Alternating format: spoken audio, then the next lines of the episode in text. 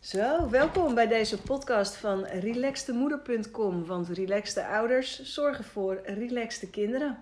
En het onderwerp van deze podcast is het boek Springlevend.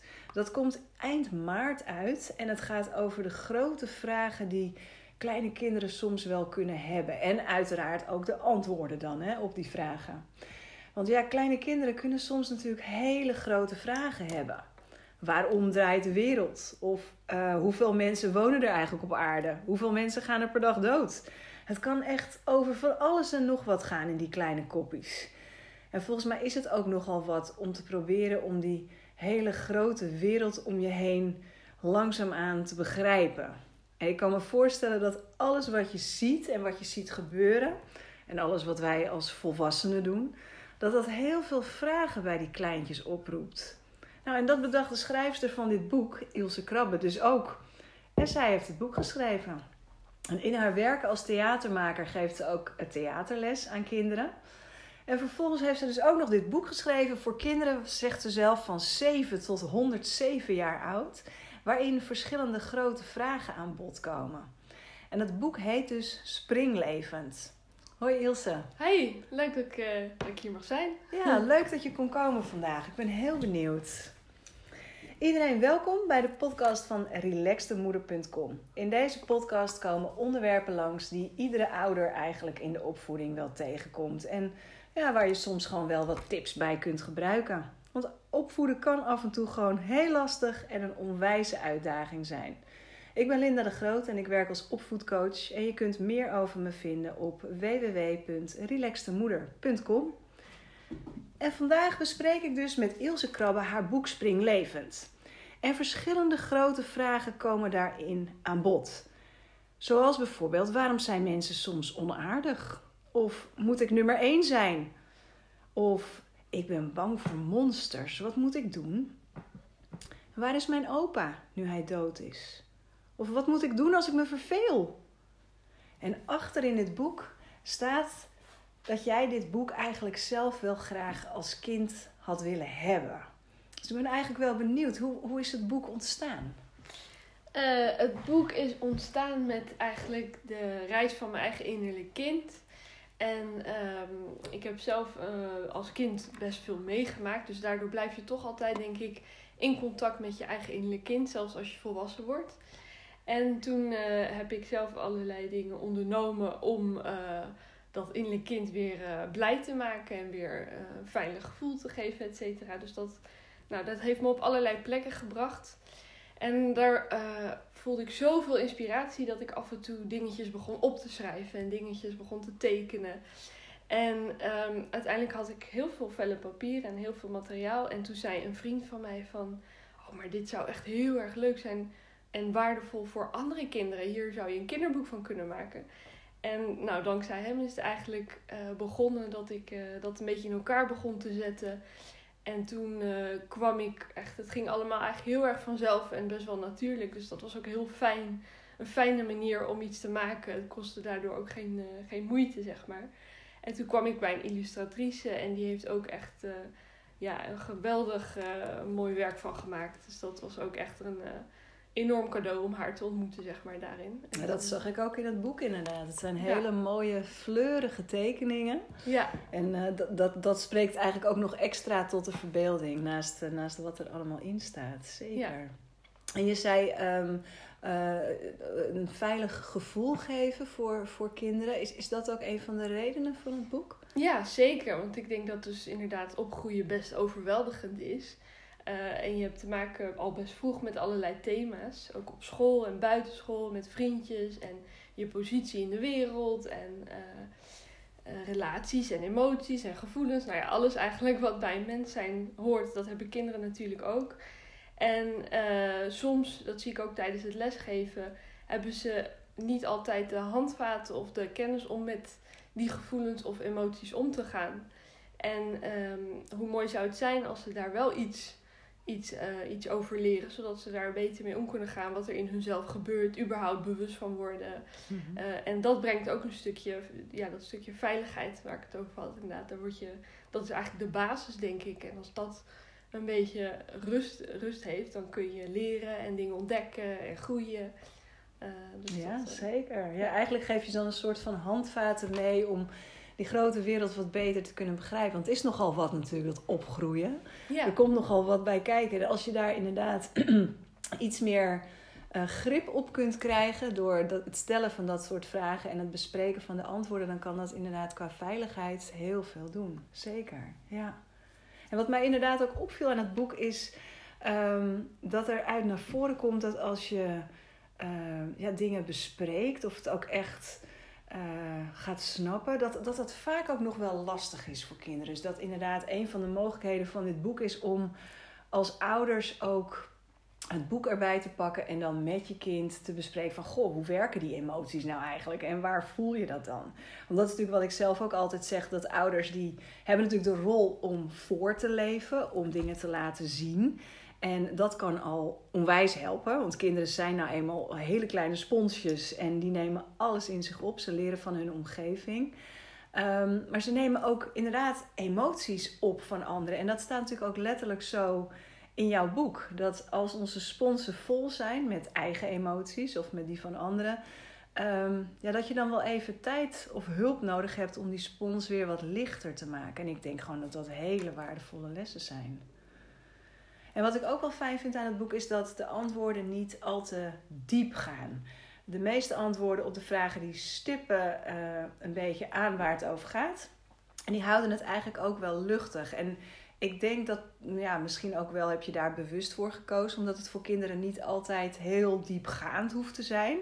Dat soms ook gewoon een simpel antwoord wel ja. voldoet. Ja, ik, ik, uh, ik ben inderdaad. Uh, ik wilde echt niet dat het van die hele feitelijke, wetenschappelijke antwoorden zouden zijn. Daar heb ik eerlijk gezegd ook niet echt over nagedacht. Maar het is meer dat het boek ook echt uit, voort is gekomen uit voelen. Dus ik heb er ook nooit uh, heel lang over uh, diep nagedacht en hard gewerkt en gezocht en achter een bureau. En wat ik normaal trouwens wel uh, vaak genoeg heb gedaan en doe. Maar dit was juist echt heel erg vanuit voelen. En wat ik daar heel fijn aan vind, is dat het ruimte geeft om, uh, om voor iedereen, dus ook de kinderen die het gaan lezen, om ook zelf op ontdekkingsreis te gaan in, in, in hun binnenwereld en maar ook de wereld om hun heen. Uh, dus inderdaad, ik hoop dat het boek je uit uitnodigt om verder te gaan. Het boek is alleen een begin. En dat de kinderen dan uh, verder in gesprek kunnen gaan met een ouder of docent, uh, schooldocent. Dus dat, zo, zo zie ik het zeker, ja. Ja, en ik denk ook dat het wel het, het, uit het boek spreekt dat jij ook het vanuit gevoel hebt geschreven. Uh, en ik denk dat het daardoor ook, als ik kijk naar de verschillende teksten die erin staan, dat het kinderen ook oproept om meer naar hun gevoel te gaan. Want we leven natuurlijk echt in een samenleving waarin heel veel cognitief allemaal is. We willen het allemaal begrijpen, we willen het analyseren, we gaan het allemaal nog eens een keer doorgronden. En uh, ja, nou, je hoort het eigenlijk wel steeds vaker dat we een soort van uh, de connectie met ons gevoel lijken te verliezen. En dat komt inderdaad mooi naar voren in het boek, zeker. Ja. Ja, ja en dat geeft denk ik ook echt meer ruimte om, uh, om wel weer ook hele hoofddingen uh, te kunnen doen. Zeg maar ook het academische gedeelte op school.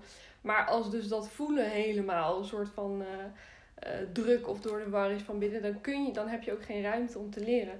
En um, ja, uit, gewoon uit eigen ervaring weet ik dat ik inderdaad heel lang, ook als kind, echt een soort van gevangen zat in mijn hoofd en alleen maar in het doen. En en um, dat leer je natuurlijk ook veel op school. Maar ik denk dat het dus ook heel waardevol is om terug te gaan naar iets, uh, naar iets simpels en gewoon naar het voelen en naar, uh, naar je lichaam, naar je sensaties, naar ja, veel meer dan alleen maar vanuit het hoofd, zeg maar. Ik denk ook dat je daar een hele grote waarheid te pakken hebt. Want het vormt in mijn ogen ook echt de, de stabiele basis, zeg maar. Als je gevoel op orde is en je, hebt, uh, je begint meer te begrijpen wat je voelt en hoe dat dan werkt. En uh, dat je daar ook uh, nou ja, je oké bij gaat voelen. En dat je ook weet dat alle emoties erbij horen. Dat er niet, niets goed is of, mm-hmm. of slecht of wat dan ook. Ja. Um, dat je dan het een, een, een stevige, evenwichtige basis voor jezelf creëert. Om dan inderdaad ook weer met je hoofd ja, aan de precies. slag te kunnen ja, gaan. Ja, ja, ja. Natuurlijk werken ze allebei samen. Maar om die samen te brengen, ja. ja. En ik merk ook met kinderen dat, dat, ze dan, uh, dat ze dan ook veel meer zichzelf kunnen ontwikkelen en zichzelf leren kennen. Ik had vanochtend uh, heb ik een kind mogen interviewen. En eh, toen hadden we het even over emoties. En, en ze zei heel snel van, eh, die heb ik eh, eigenlijk bijna nooit. Maar een beetje met schaamte, Oh, zeg maar. En het was niet eens dat dat bij haar thuis niet aanwezig was. Het was volgens mij echt een heel fijn, open gezin en zo, zeg maar. Maar kennelijk, dit is eigenlijk misschien al een ander, ander thema, sprongetje naar iets anders. Maar kennelijk is er ook gewoon een beetje toch nog een soort taboe of zo rond emoties. En wat gebeurt er nou in me? En om daar aandacht aan te geven en tijd. Want zelfs kinderen lijken er dus kennelijk moeite mee te hebben om het gewoon toe te geven. En dat het er helemaal mag zijn, dat het oké is, dat ze er zijn. Maar dat je, dat je het niet bent, dat vind ik ook heel belangrijk. Dat staat ook in het boek. Ja, dat je deze Ja. emoties bent, Ja, maar ja. dat je ze ervaart Ja, eigenlijk. precies. Ja, nou, des te mooier dat je dan inderdaad dit boek hebt om ze op weg te helpen om daar meer begrip eh, voor te krijgen en het beter te kunnen voelen. Ja. Het eh, eh, stukje tekst wat voor in het boek staat, dat wilde ik even voorlezen. Ik vond het heel mooi. Toen het kind op de wereld kwam, wist ze het. Het is een wonder dat we leven en er is zoveel te ontdekken. Ze kon niet wachten. Er waren zoveel vragen. Soms maakten die vragen haar blij, maar op andere momenten voelde ze zich verloren en overweldigd. Alsof alle vragen in een eindeloze draad met vele knopen waren gewikkeld. Maar elke dag was een kans om nieuwe antwoorden te ontdekken. En ik kan me, toen ik dit las, kon ik me ook echt zo goed voorstellen dat het voor kinderen inderdaad zo voelt. Een heleboel van die verwarrende draden, die dat kind dan probeert te ontwarren.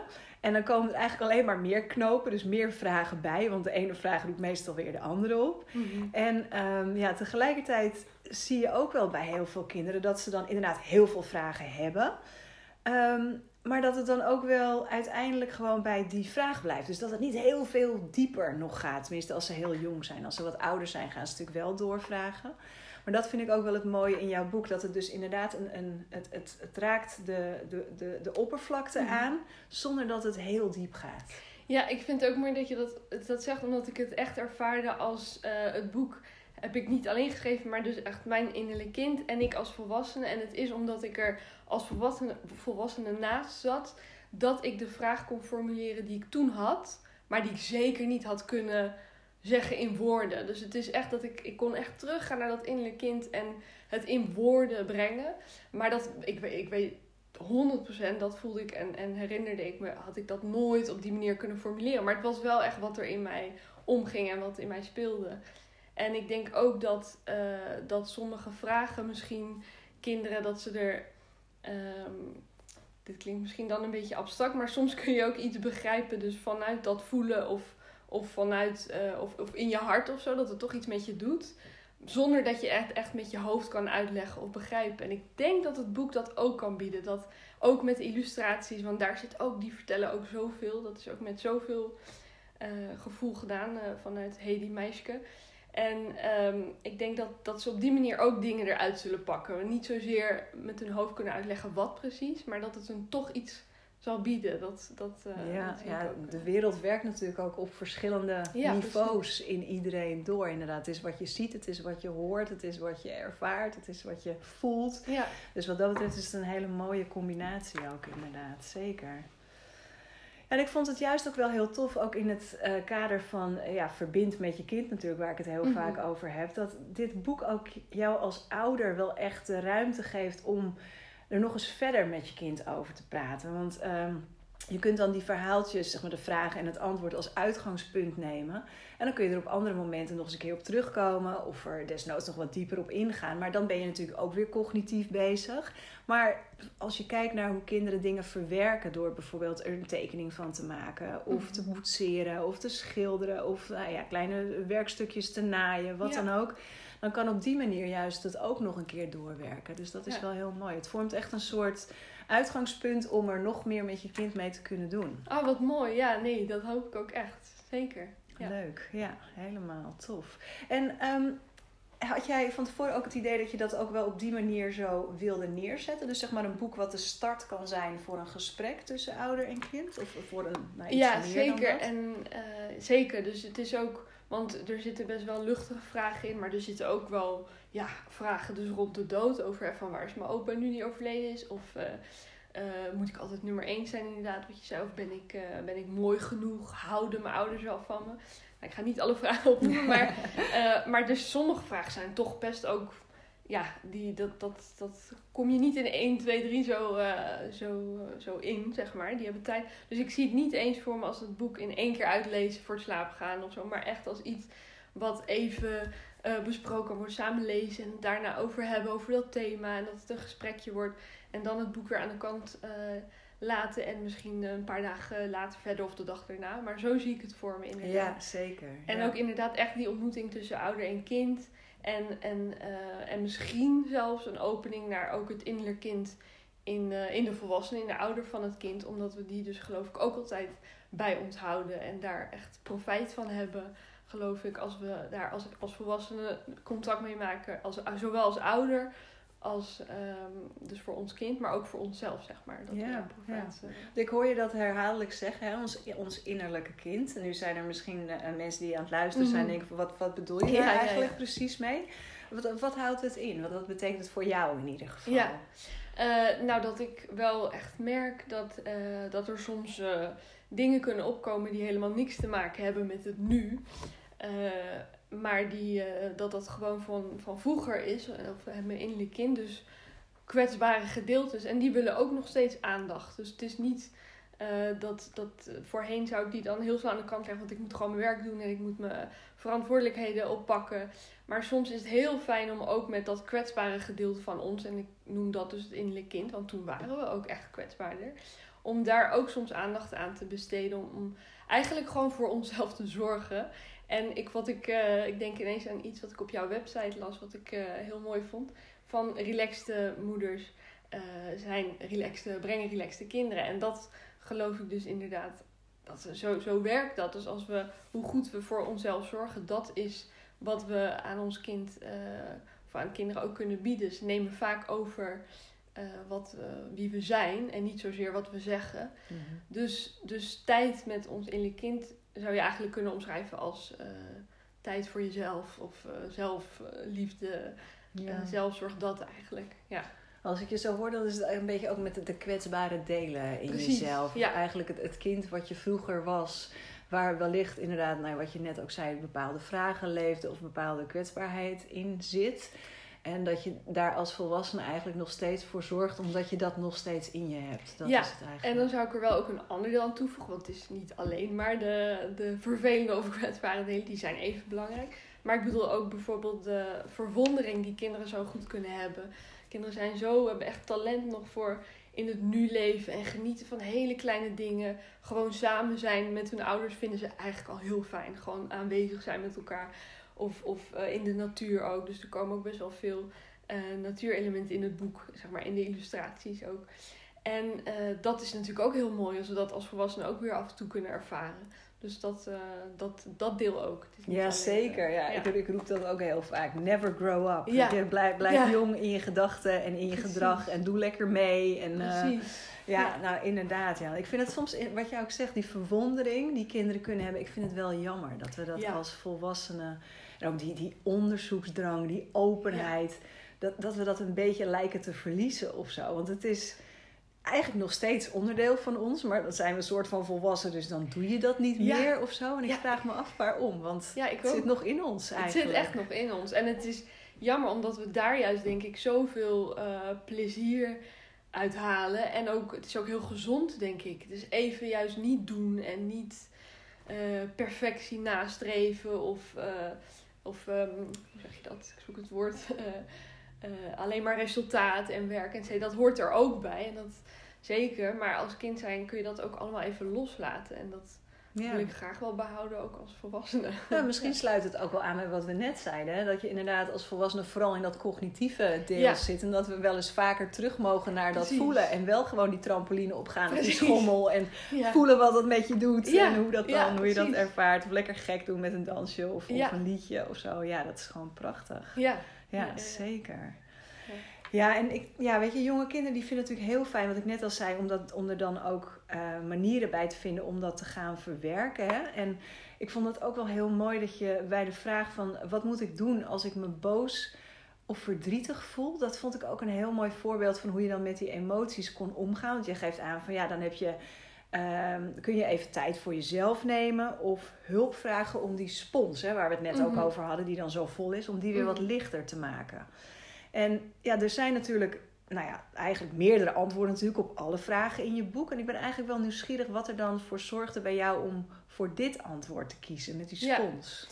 Ehm, de- als je boos of verdrietig bent. Ja, het belangrijkste volgens mij voor, voordat ik met die spons is dus vo- vooral eerst ook überhaupt bewust van worden dat die emoties er zijn.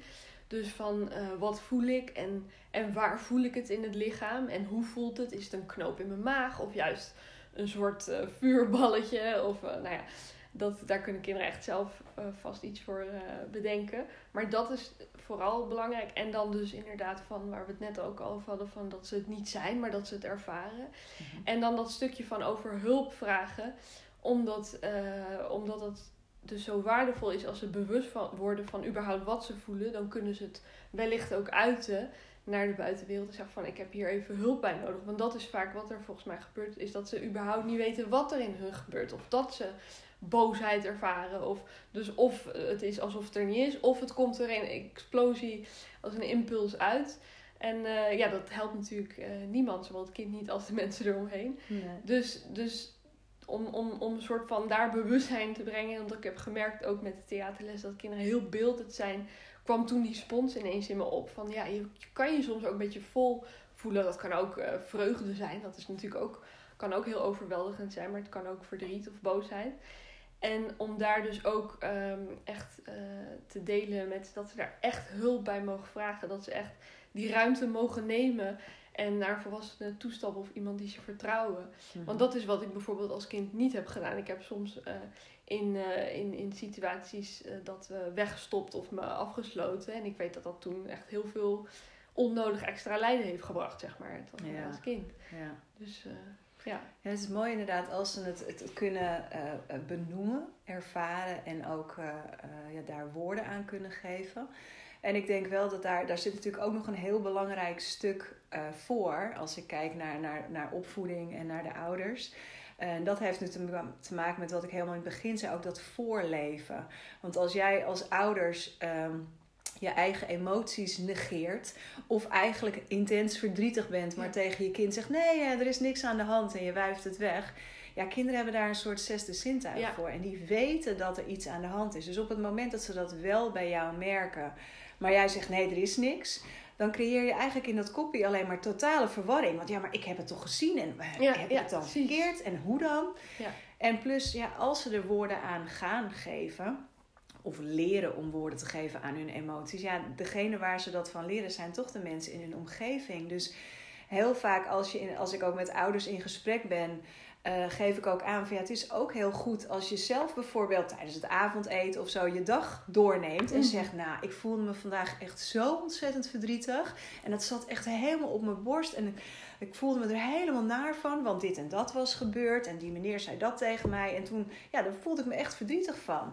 En toen heb ik dat en dat tegen hem gezegd. Dat helpt kinderen ook van, oh, weet je, er zijn meer mensen ten eerste die verdriet hebben, Ja, dat ja. ben ik niet alleen. Ja, En zo gaat mijn moeder of mijn vader daarmee om. Die benoemt dat zo en zo. Dus ja, dat is wel echt dat, dat voorleven wat ik nou ja, inderdaad heel belangrijk vind als nog als stapje daarvoor. Want dat geeft de kinderen ook de woorden en de mogelijkheden om daadwerkelijk te leren wat ze er nou zeker. Ja. kunnen. Nee, heel mooi voorbeeld. Want dan, dat, dat, die kwetsbaarheid is echt een cadeau voor kinderen, denk ik. Want dan zien ze van, oh, dat is dus normaal. Dat mag er dus zijn. Ja, Dus daarom is die eindbrief in het boek van een eindbrief van elk kind naar elke ouder is ook eh, belangrijk voor, voor, voor mij. En die is dan meer voor de ouders naar de ouders gericht dan de kinderen. ja. Maar inderdaad, daar eh, komt dat volgens mij ook in voor van deel dat echt. En ook bijvoorbeeld als, als je kind kwetsbaar is, probeer dat niet eh, weg. Want natuurlijk is het vervelend om je kind, eh, kan ik me voorstellen, ik heb zelf geen kinderen, maar om te zien dat je kind kwetsbaar is. Mhm. Of dat hij verdrietig is.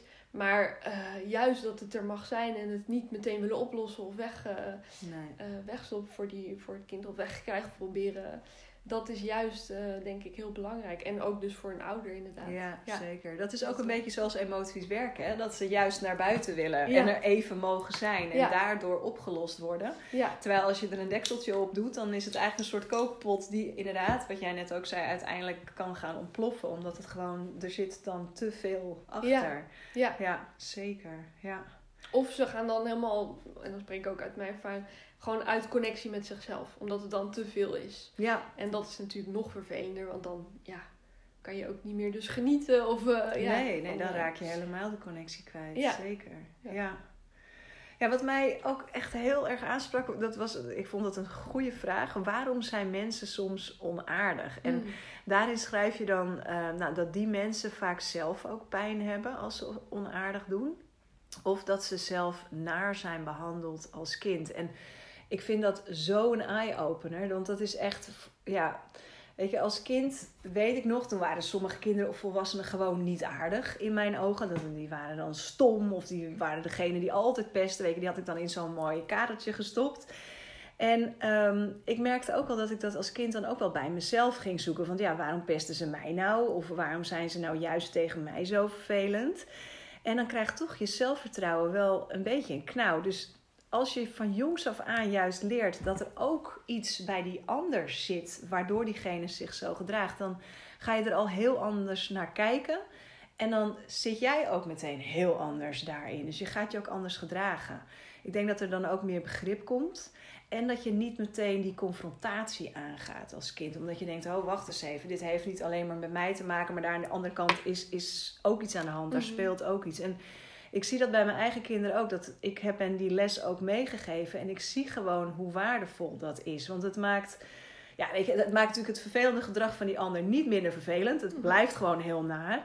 Maar als je er anders naar kunt kijken, dan helpt het ook echt wel ja, om daar anders mee om te kunnen gaan. En een beetje de, de angel eruit te Mhm. kunnen trekken, denk ik. Ja, ja, nee, dan voelt het inderdaad minder, minder persoonlijk. En, eh, eh, dus ik kan me dat ook herinneren van, eh, nou ja, een kind wat dan eh, onaardig was of zo. Maar dat er toen op een gegeven moment ook het besef kwam, oh, maar die heeft het eigenlijk heel moeilijk thuis of zo. Ik kan me ineens dat herinneren. En dat, dat haalt toch een beetje van die lading of van die, ja, dat, dat doet natuurlijk altijd zeer. Maar als je daar bewust van wordt en wat denk ik ook helpt, is dus ook weer toch dat, eh, dat zelf leren met, met je eigen pijn te zijn. Want dan herken je ook sneller dat, dat, dat die ander pijn heeft. Ja. Eh, dus dat, dat werkt in beide, beide richtingen. Zeker, ja, zoals Ja. het bij jou werkt en bij anderen. Mhm. Zodra je daar meer begrip bij krijgt. Ja. Zeker, ja, klopt.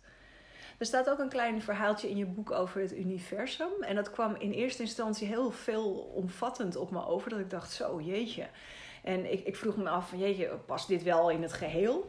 En toen kwam de zin langs, als je goed voelt en luistert... kun je in je altijd vinden wat je nodig hebt. En dat vond ik Mhm. zo mooi. En dan denk ik, ja, een kind laten weten dat het alle antwoorden in zich heeft. Dat het mag vertrouwen op zijn eigen ik, zijn eigen lijf, zijn eigen zijn. Ja, ik denk dat dat iets is wat je echt al heel vroeg mee wilt geven aan je kind. En kan je, kan je wat meer over dit onderwerp en, en deze vraag vertellen? Want ik kan me wel voorstellen dat er een reden is Ja, dat je ja, die ja, ook ja. in je boek Ja. hebt opgenomen. Zeker. En nog alleen één dingetje wat in me opkwam, om even terug te komen van de vorige vraag. Ook over dat, ehm, waarom mensen soms onaardig zijn. Mhm. Omdat voor kinderen natuurlijk, ja, ze maken alles een eerste keer mee en het, het komt toch best wel binnen en alles. En als ze dus leren dat dat, dat voorkomt uit iemand die, eh, die zelf ook eh lijdt, dan is het misschien ineens eh, wat minder, minder eng of zo. Dan als je dingen een beetje begrijpt, dan eh, worden ze wat makkelijker om te accepteren. Dus dat was ook even een Ja, zeker een goeie. toevoegen. Ja, dat je niet alleen erin staat als Ja, het ware. precies, Dat er bij ja. die ander ook iets is. Ja. Ja, en dat, eh, ja, dat, er, dat er gelukkig ook heel veel mooie en aardige mensen bestaan. Maar, ja, dat, ja. maar over de andere vraag, ja. ehm, eh, dus het laatste puntje wat je daarover zei. Het sorry. universum. En Nou, wat dat, je- dat je zei van ja, ik, ik, nou ja, ik kan me voorstellen dat er een reden is dat je over het universum ook een vraag hebt opgenomen. Ja. Omdat ja, het, het lijkt veelomvattend, maar tegelijkertijd is het ook heel mooi natuurlijk. Eh, ja, nee, voor, voor mij was dat. Want nu heb ik een andere vraag die, eh, die er eigenlijk op het laatste bij is gekomen, die het belangrijkste is. Maar in aan het begin, toen ik echt begon met het boek, was eigenlijk deze vraag voor mij het belangrijkste. Dus ik probeer even te, te voelen waarom dat zo is. Maar ehm, eh, ik denk dat dat eh, toch te maken heeft dat ik dus heel lang ook als kind dus inderdaad grote vragen had. Want dat, als je het over het universum hebt, dan heb je het echt over alles. Ja, over waarom ben ik hier, wie ben ik, waarom eh, heb ik deze naam, waarom heb ik deze ouders, wat... wat en dat kun je inderdaad als kind ook hebben. En wat ik heel fijn vond om zelf te ontdekken, is dat er niet alleen maar dus alles is wat er in mijn, in mijn hoofd gebeurt, maar dat ik ook eh, dat er ook om me heen heel veel gebeurt. Dat er dus ook eh, dat, ik, dat er ook met het, met het voelen heel veel gebeurt, gewoon in mijn lichaam, niet alleen in mijn hoofd. Ehm, en om kinderen daar al vroeg een beetje bewust van te maken, is denk ik heel fijn. Dus dat, dat ze eh, niet alleen maar eh, hun. hun ehm, hoe zeg je dat? Het is best ik vind het best een lastig thema hoor, om, om, om heel op een logische manier uit te leggen. Maar Mhm. even proberen dat, dat ze niet alleen maar hun naam zijn of hun, of hun, hun, eh, hun ouders, hun situatie. Want eh, ja, gelukkig zijn er heel veel fijne en gezonde eh, gezinnen. Maar er zijn ook kinderen die, die in een minder stabiele omgeving opgroeien. Mhm. Maar om ze dus ook een beetje te openen naar, oh, er is ook een, een, een, een supermooie natuur buiten mij. Daar kan ik ook heel veel kracht uit halen, bijvoorbeeld. Want ik weet nog, toen het met mij heel slecht ging, toen heb ik eh, bedacht, ik weet niet hoe, maar dat, dat, is echt zo gegaan, dat de zon mijn vriend was. Oh, wat En, mooi. eh, ja, en wat, waar het eigenlijk op uitkomt, wat ik nu pas snap, is dat ik natuurlijk behoefte had aan warmte. ja. En dat heeft me echt eh, in die traumatische periode als kind echt ontzettend veel ge- eigenlijk gebracht. Echt heel veel. Eh, ehm, en ik kan niet. Dat is, dat is echt voortgekomen uit eh, ja, op dat moment door, door toch, dus wat ik zeg, buiten die situatie te stappen, buiten mijn, mijn familie, buiten mijn. eh, dus het is een beetje om een opening te maken voor kinderen van er is echt nog, eh, nog een hele belevingswereld behalve wat je kent en wat je hoort en wat je verteld wordt. En dat kun je ook ontdekken en ja. voelen en dat kan je ook heel veel brengen. Ja, ja. er, zijn eigenlijk, er is eigenlijk nog meer dan, dan het tastbare, als het ware. Ja, en ook, eh, want, want nogmaals, toch weer over dat hoofd. Best wel veel. Ik heb zelf voor mijn gevoel echt jaren eigenlijk gevangen gezeten in mijn hoofd. En echt nog steeds af en toe. Maar ik merk wel echt het verschil wanneer dat niet zo is. Maar als je dat dus niet alleen bent en gewoon helemaal aanwezig bent met jezelf en met het leven om je heen, met, met de mensen om je heen. Daar kun je ook zoveel eh, ja, plezier, voldoening, eh, ehm, maar ook heel veel van leren. Dus dat, ehm, dat, dat is ook denk ik belangrijk, omdat we toch in een samenleving eh, leven waar het heel veel vanuit het hoofd gebeurt. Dus ook op school. Ja, zeker. En dat is ook heel positief, zeker. Maar er is ook een ander deel. En die vriend die mij dus ook aanstuurde om dat boek te maken, die zei toen wat ik heel mooi vond van eh, kinderen kunnen, kunnen misschien academisch of eh, ehm, die kunnen op, op die manier geholpen worden, maar als ze emotioneel en sociaal geen ondersteuning of, of kennis hebben, dan zijn ze echt de pineut, zeg maar. ja. Eh, en dat, dat, dat is voor mij, ja, spiritualiteit wil ik het niet noemen, omdat het toch vaak nog een stigma heeft, maar dat is het voor mij wel. En ehm, dat hoop ik eigenlijk dus dat dat ook steeds deel mag, eh, steeds meer deel mag eh, nemen aan gewoon op school en in een gezin en in het leven ja, van een kind. Ja. Maar dat kennen we, vind ik, nog niet heel erg veel hier. Want in andere delen van de wereld is dat weer heel normaal en heel Klopt, ja. super eh, alledaags. Ik heb wel het idee dat het langzaamaan nu een soort Jawel. van begint door te druppelen. Omdat Ja. iedereen zich ook langzaamaan begint te realiseren hoe we met z'n allen in ons hoofd zitten. En dat echt de een na de ander daardoor ook een burn-out of Ja, een, nou ja, wat voor situatie dan ook even waarvan je zegt, joh, mijn hoofd is echt te vol, ik functioneer niet meer. Dus ja, dat denk ik dat dat ook al als samenleving, als geheel op dit moment wel een soort vraagteken vormt van hoe gaan we hier dan anders mee om. En dan komt het spirituele of in ieder geval gevoel, weet Ja. je, het sociale, het emotionele komt echt steeds meer ook naar boven drijven. Dus ik denk dat het heel goed is wat jij zegt, dat je gewoon verschillende bouwstenen hebt Ja, waaruit je een evenwichtige basis vormt. En dat inderdaad je hoofd daar een stukje van is, maar Ja. dat zeker het gevoel daar ook een heel groot deel Ja, van uitmaakt. En, en ook vooral van hoe doen we dat dan? Want het, klinkt wel mooi, maar hoe doen we dat dan? En daar steeds meer ook tools en bewustzijn in brengen. Dus door naar je lichaam te gaan, door te voelen, door te ademen door misschien naar in de natuur te gaan. Ja. En ook het andere stuk van dat over inderdaad het, het, het universum en van dat we allemaal eh, eh, dat het kind eh, allerlei dingen in zichzelf kan vinden en waar die aan verbonden is. Dat is ook om, om dus inderdaad dat zelfvertrouwen te geven. Want ik denk dat als kinderen dus zelf bepaalde antwoorden gaan vinden. Dus het is wat ik zei, het boek is echt een uitnodiging. En als ze zelf eigenlijk verder gaan en antwoorden gaan vinden, denk dat ze daar heel veel zelfvertrouwen uit halen. Want dan worden ze ook een stukje autonomer van hé, dit heb ik gewoon helemaal zelf ontdekt. Ja. Eh, en daarnaast is het ook heel fijn als kinderen het gevoel hebben van oh, maar ik ben niet alleen. Eh, mijn buurmeisje is om de hoek en mijn klasgenoten en mijn moeder en mijn hond.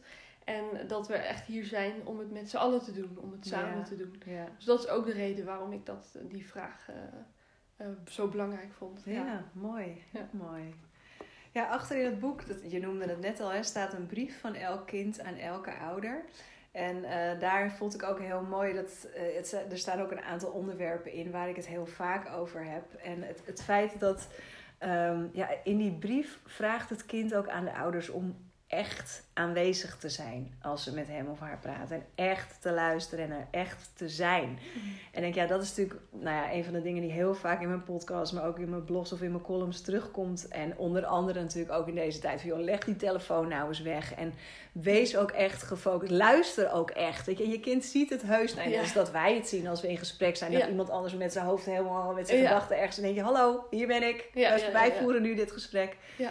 Dus ja, je, je wil er als ouder ook gewoon echt zijn voor je kind. En ik vond het ook heel mooi, dat, dat viel me ook op, dat een ouder is ook maar gewoon een mens. En wat jij net zei inderdaad, dat staat ook in die brief, dat het oké is om je kwetsbaarheid aan je kind te laten zien. Dus dat die Mhm. emoties er mogen zijn en dat ook kwetsbaarheid bij het leven hoort. En ja, dat, is gewoon, dat zijn van die hele belangrijke lessen. En waarvan ik denk dat als je als ouder die brief leest, dat er gewoon weer kleine Mm. zaadjes worden geplant van, oh ja, ik weet het wel, maar het is fijn dat je het toch nog weer eventjes naar boven, naar boven haalt. En nou ja, wat bij mij natuurlijk ook steeds terugkomt bij relaxte ouders, is dat je gewoon goed voor jezelf moet zorgen. Dat je goed voor jezelf zorgt om op die manier ook goed voor je kind te kunnen zorgen eigenlijk. Ja, ja. en ik denk echt nogmaals dat kinderen echt leren vanuit wat zij ons zien doen. Hoe wij voor onze eigen eh, pijn of goede dingen of wat dan ook zorgen. Dat, dat is wat, waar ze van leren, meer dan wat we zeggen en Zeker. laten zien, zeg maar. Ja, dus dat, ja. dat zeker, ja. Ja. En, eh, en inderdaad, dat echt aanwezig zijn, dat, dat is voor mij ook een ontdekking. Want als docent ben ik dat ook niet altijd geweest, maar daar was ik niet eens bewust van. En ik merk zoveel verschil als ik dat dus wel ben. Dus gisteren was er toevallig nog een theaterles en er was één meisje die de hele tijd maar herhaalde van... Je ziet me niet, je ziet me niet, je kijkt niet naar me. En kennelijk wilde ze graag... Nou ja, ik kan natuurlijk niet de hele tijd naar alle kinderen kijken, want er staan twintig kinderen eh, in de klas te spelen. Maar eh, kennelijk had ze die behoefte. En uiteindelijk had ik even een paar seconden waar ik dat eh, wel kon doen, zeg maar. Mhm. En ik weet zeker dat al had ik gezegd ik zie je, maar als ik er niet echt was, aanwezig was geweest, dan had dat geen verschil gemaakt. Maar omdat ik er gelukkig op dat moment dus wel bewust van was en ik echt probeerde echt aanwezig te zijn, echt in het nu, in mijn lijf, in mijn, met mijn ademhaling naar haar te kijken. En toen zei ik ook, ik zie je, wat goed, wat doe je het goed? Ja, ik zie je, ik zie het echt.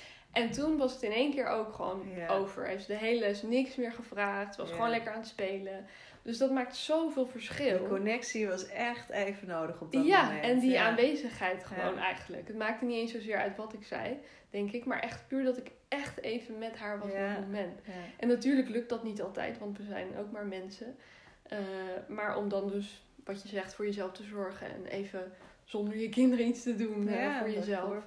ja. Ehm, Maar mooi ook Ja. dat zij dan, dat meisje jou zo'n spiegel voorhoudt. Waardoor jij ook weer even bewust wordt van... hé, ja, ik ben er eigenlijk wel. Maar eigenlijk was mijn hoofd er niet helemaal. Dus dat ga ik nu wel doen. Dus ja, ja. dat zijn natuurlijk hele mooie momenten van bewustwording. Ja, precies. Of, kan, of dat, dat het ook gewoon een cadeautje is dat, eh, dat ik dat op dat moment aan haar kan geven. En dan weer verder gaan. Het is gewoon, eh, je krijgt er ook heel veel voor terug, zeg maar. Zeker, ja. Ja. Mooi. Dus- Prachtig.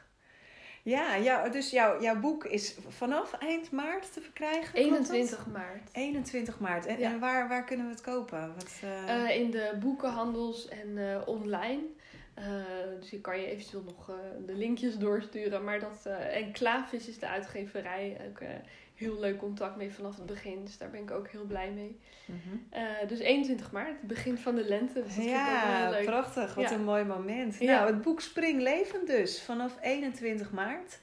En eh, ik zal sowieso, als ik deze podcast dan eh, online plaats, ook eh, ehm, als ik die linkjes van jou krijg, die daar ook nog even bij zetten. Nou, superleuk dat je er was. Dank je wel voor je, voor je verhalen en ook weer inspiratie, toch? En jullie allemaal eh, bedankt voor het luisteren. En vond je het leuk om te luisteren? Dan vind ik het natuurlijk altijd heel fijn als je me dat even laat weten door een berichtje via een van mijn social media kanalen. En voor meer informatie over de online training, over relaxed opvoeden, over voorleesgedichten of mijn columns of podcasts, kun je ook altijd kijken op www.relaxtemoeder.com.